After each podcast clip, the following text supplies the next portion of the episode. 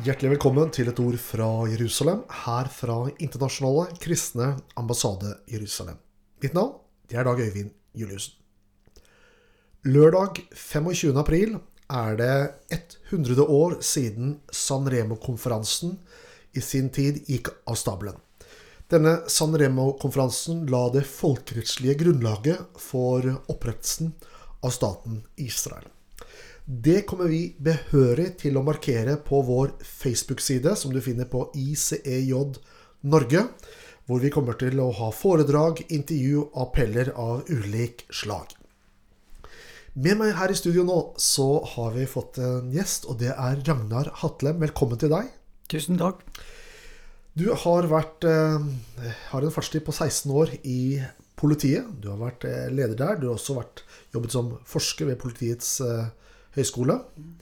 Og du har også vært leder for et av Justisdepartementenes prosjekter. I tillegg så har du om lag 17 år som advokat på nakken.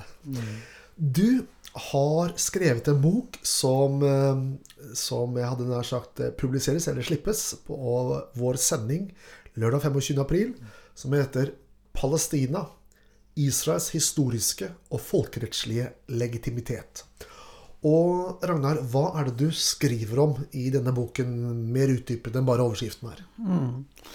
Ja, det er, den boka tar for seg eh, det rettslige grunnlaget for opprettelsen av staten Israel. Eh, jeg eh, har vært opptatt av ja, bl.a. Oslo-prosessen litt, sagt en del om det. Og ikke minst FN sin rolle som et mer eller mindre politisk organ, ikke som noen eh, juridisk autoritet på noen måte. Eh, og tar for meg eh, noen resolusjoner, eh, og, og, ser det i forhold til det som er internasjonal, akseptert internasjonal rett mm. i dag. Og det viser seg egentlig at det, at det er en del ting som, som, skurrer, for å si det forsiktig. Jeg er også opptatt av i boka at, med, å se litt bakenforliggende. Hva er det egentlig som er årsaken til denne konflikten mellom palestinaraberne og jødene? Altså, hva, hva, er de egentlige årsakene? Det har, det har vært eh, spennende for meg å gå inn i. Og, og eh, eh den boka, eh, den eh, den kommer man dypere ned på eh, når det gjelder det. Ja, Det er et omfattende og grundig dokument hvor du tar for deg jussen, men samtidig så er det en lett tilgjengelig for den som ikke er vant med terminologien, for å si det sånn. Eh, det er jo Hermon Forlag som gir ut eh, boka. Og jeg har lyst til å spørre deg, fordi hovedanklagen mot Israel i den norske Midtøsten-debatten i hvert fall, det er jo at Israel ulovlig okkuperer Palestina, eller områder i Palestina. Hva er din respons ut fra dine studier her? Nei, altså, det enkle svaret er jo at det, det her er avgjort altså i, uh, i aprildagene 24. og 25. april i 1920. I det vi kaller for Sanremo-resolusjon, som, som, var egentlig eh, basisen, eller rettslig grunnlag for opprettelse av flere arabiske stater, og opprettelsen av Eh, det som senere blir kalt Israel. Men som, som, som, eh, som var Hensikten var altså å, å, lage en jødisk stat i Palestina. Eller si det på en annen måte Palestina skulle bli en jødisk stat. Mm. Og det var det som ble truffet avgjørelsen om i 1920, og den, eh, de avgjørelsene står fortsatt. Dette var i kjølvannet av den første verdenskrig? Det var i, i kjølvannet av første verdenskrig, og det interessante der, det er jo at uh, Altså, den Du kan si det starta jo litt med Balfour-deklarasjonen, og der jødene skulle få lov å reetablere seg i Palestina. Det som er viktig i den forbindelse, det er at parallelt altså Balfour-deklarasjonen kom 2.11.1917. Eh, og i desember, 9. desember 1917, altså en del en måned etterpå, så gikk eh, den britiske generalen Altså erobra han Jerusalem. Og han gikk da til fots inn i Jerusalem den 11. desember, to dager etterpå. av respekt for de helligdommene som er i Jerusalem. Eh, slik at dette her er viktig å se i sammenheng. Altså, man, man kom med Belfast-reklamasjonen der man lovte jødene Palestina som en stat. Og der man parallelt med det så muligheten for å muliggjøre dette her gjennom å ta områdene som man erobra fra det ottomanske riket i 1917, altså. Så, så, dette her henger veldig sammen. Mm.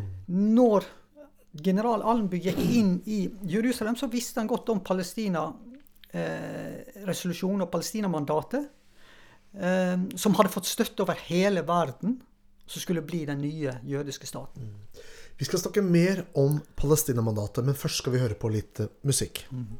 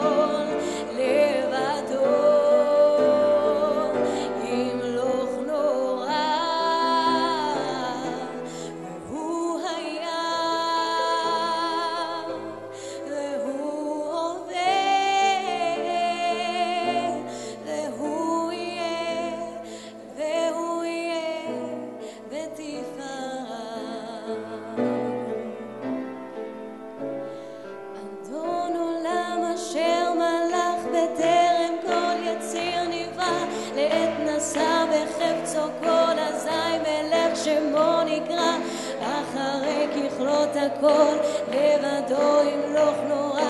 הוא היה והוא הווה והוא יהיה בתפארה.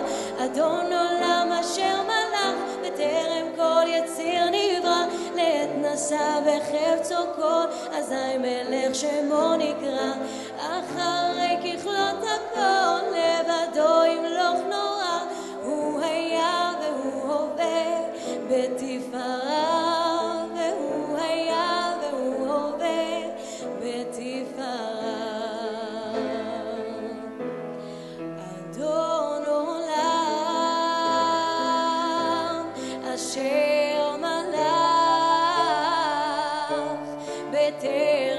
Lord.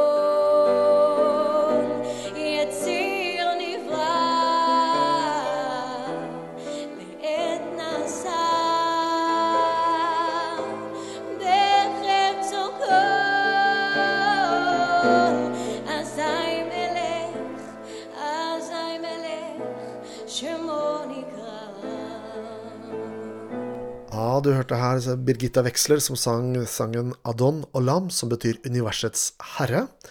Og du lytter også til et ord fra Jerusalem, fra Internasjonale kristne ambassade Jerusalem.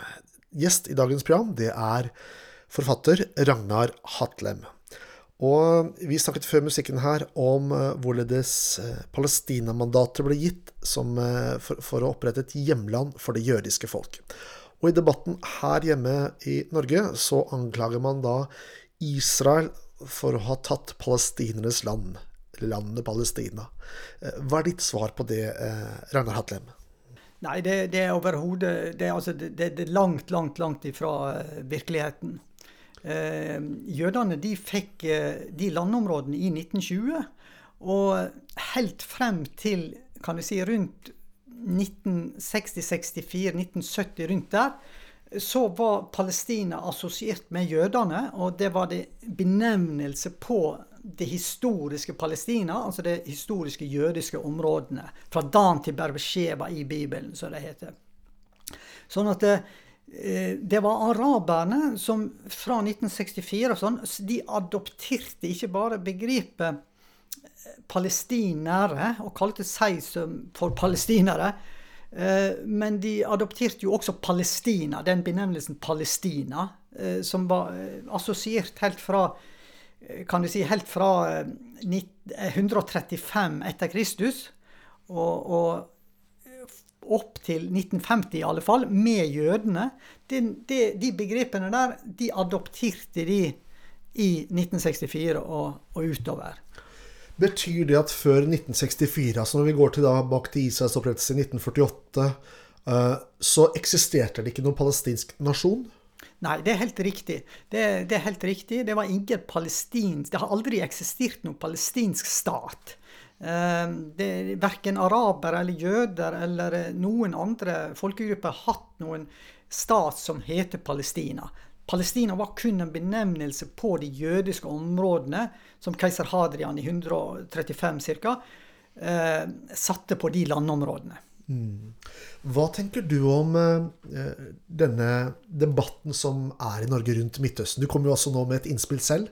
En grundig, omfattende bok som tar for seg eh, juss og, og, og, folkerett knyttet til dette landet, Israel. Hva tenker du om den norske Midtøsten-debatten à la 2020? Nei, altså, eh, Hvis det skal være ærlig, og det, det skal man jo, så, så er den debatten prega av mangelfulle kunnskaper veldig. Og det, Norge er ikke noe eneste i, i verden med, med, det som bakteppe. Man har dessverre eh, ikke noe forståelse, ikke noe kunnskaper om innholdet i Sanremo-resolusjonen, eh, som er så viktig. En av grunnene til det, bare for å ta det veldig kjapt, det, det er jo at eh, eh, Sanremo-resolusjonen den fremgår av møtereferatene fra eh, disse aprildagene i eh, 1920 i Sanremo. Eh, og de blir ikke offentlig tilgjengelige før i 1958. Det er en ja. av grunnene til at det, der hele verden på en måte ikke har, har så, At de har så dårlig innsikt og forståelse for hva dette her betyr i dag. Men da får vi bare si takk til deg, da, Ragnar Hatlem, at du tar fram disse historiske faktaene og gjør dem tilgjengelig for, uh, for samfunnet. Og til dere som lytter, det er altså Hermon Forlag som gir ut denne boka, som heter 'Palestina Israels historiske og folkerettslige legitimitet'. Takk for besøket, eh, Ragnar Hatlem. Selv takk. Og så oppmuntrer vi deg som lytter til å følge oss på Facebook lørdag 25. april fra klokken 11.00 og utover. Du finner oss på ICEJ Norge. Du har lyttet til et ord fra Jerusalem. Mitt navn det er Dag Øyvind Juliussen i Den internasjonale kristne ambassade i Jerusalem. Takk for følget.